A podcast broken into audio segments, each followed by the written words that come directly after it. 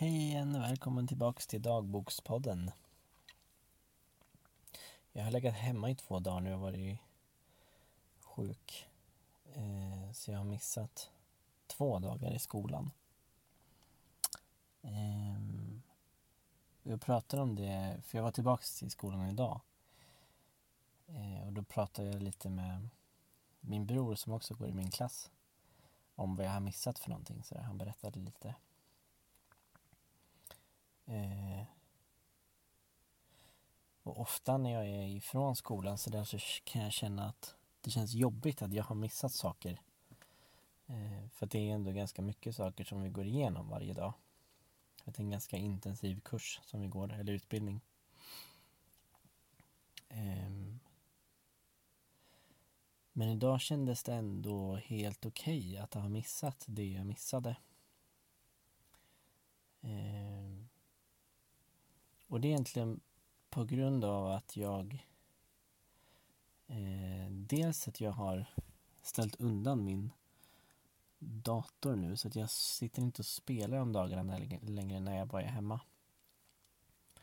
Eh, utan när jag låg på soffan nu de här två dagarna så eh, har jag tittat på dokumentärer bland annat.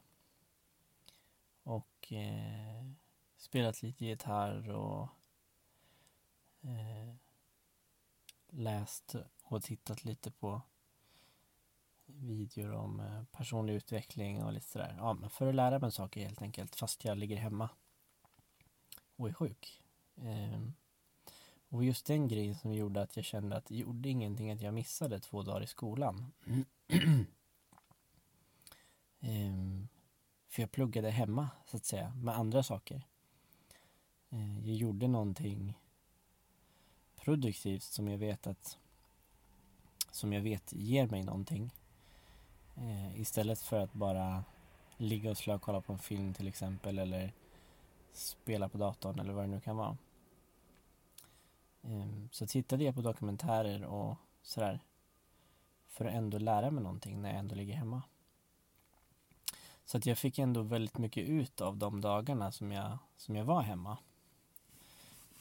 Och då kändes det eh, Då kändes det som att det gjorde inte så mycket att jag missade de här två skoldagarna.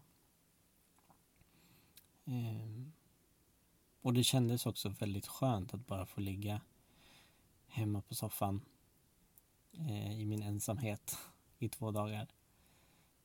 Det kändes som att jag behövde det på något vis. Eh, Och bland annat en av dokumentärerna jag kollade på var, eller jag vet inte om man kan kalla det dokumentär, men den låg under den kategorin. Eh, var The Secret. Eh, du har säkert hört talas om det. Eh, ganska, ganska gammalt fenomen nu. Det handlar egentligen i stort om attraktionslagen, att man ska helt enkelt tänka på någonting eller visualisera någonting som sen kommer till en i livet. Eh, och jag höll på ganska mycket med det i gymnasiet faktiskt. Det var då jag först fick upp ögonen för The Secret och attraktionslagen och sådär. Och då höll jag på ganska mycket med det. Och praktiserade visualisering och använde mig av bilder och sådär. Eh, men sen har jag tappat det under åren. Jag liksom försvunnit helt. Jag har haft andra saker att fokusera på.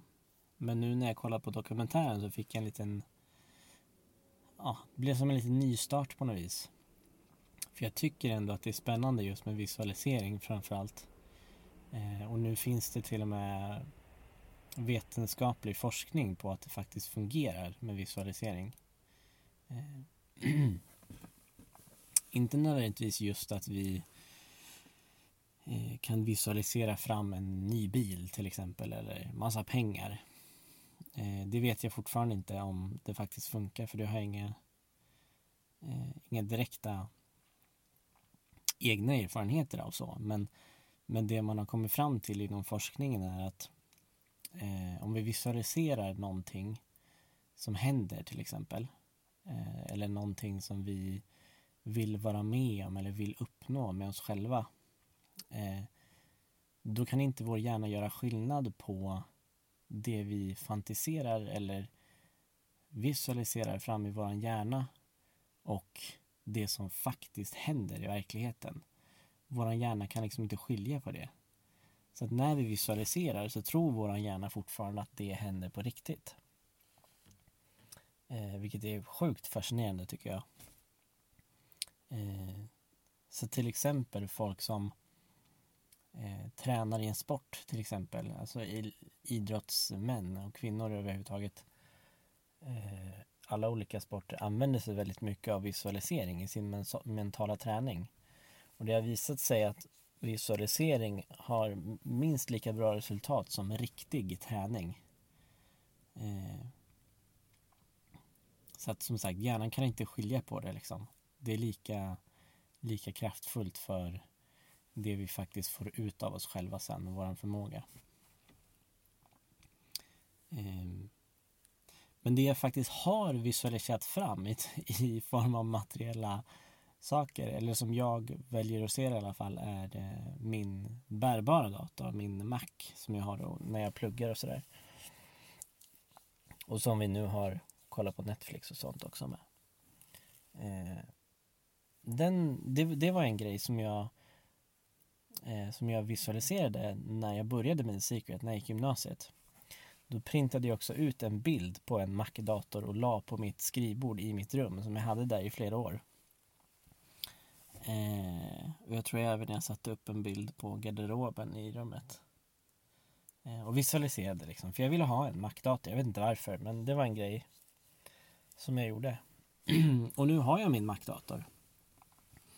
Det var inte så att den kom till mig utifrån. Det var så, jag, alltså jag köpte den själv, men jag fick ändå en, en Mac-dator. Sen kan man ju diskutera som sagt om det var The Secret eller attraktionslagen som gjorde att jag fick den.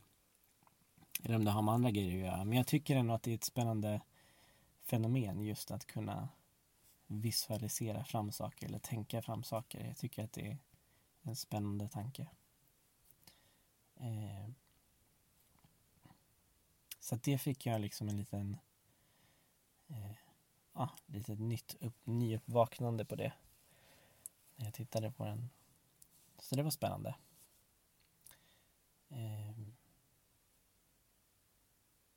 ja, och det, det jag har tänkt att göra, eller det jag har gjort nu är att jag vill eh, prova om, alltså göra, som, jag vet inte, jag vill inte kalla det experiment, men prova om, om det funkar. Eh, för det de beskriver i, eh, i den där dokumentären eller filmen är att du kan visualisera fram vad som helst. Alltså pengar, en ny bil, ett nytt hus, en partner, eh, ett nytt jobb, alltså you name it typ, så kan du visualisera fram det. Eh, så det jag har gjort nu är att jag har jag har visualiserat och sagt till mig själv att innan det här året är slut så vill jag ha 100 000 kronor på mitt bankkonto. Eh, och så har jag tänkt att jag ska, jag ska visualisera det typ en halv minut varje morgon. Eh, så får vi se eh, om det funkar. Tänker jag. Jag kommer säkert eh, uppdatera uppdatera det här i podden. Hur, hur det känns och hur det går och sådär. För det visar sig, hoppas jag, om det funkar eller inte. Det ska bli kul att se. Eh, och för det som är grejen som är det svåra med det här det är att ha full tillit till att det jag ber om kommer till mig. Jag ska liksom inte behöva oroa mig över hur det ska gå till utan jag ska bara ha full tillit till att det kommer till mig. Det är det som är den knepiga biten om man säger. Så det är det jag kommer få jobba med. Jag ska visualisera fram det och så eh, får vi se. Så det blir spännande. Eh, du får jättegärna dela med dig tänker jag i kommentarerna efter du har lyssnat om du om du själv har eh, använt dig av visualisering eller attraktionslagen på något vis. Och hur det har gått, om du har fått några resultat av det. Det vore jättespännande att höra. Så det får du jättegärna dela med dig av. Eh, annars hörs vi i nästa avsnitt. Tack för att du lyssnade. Hej då!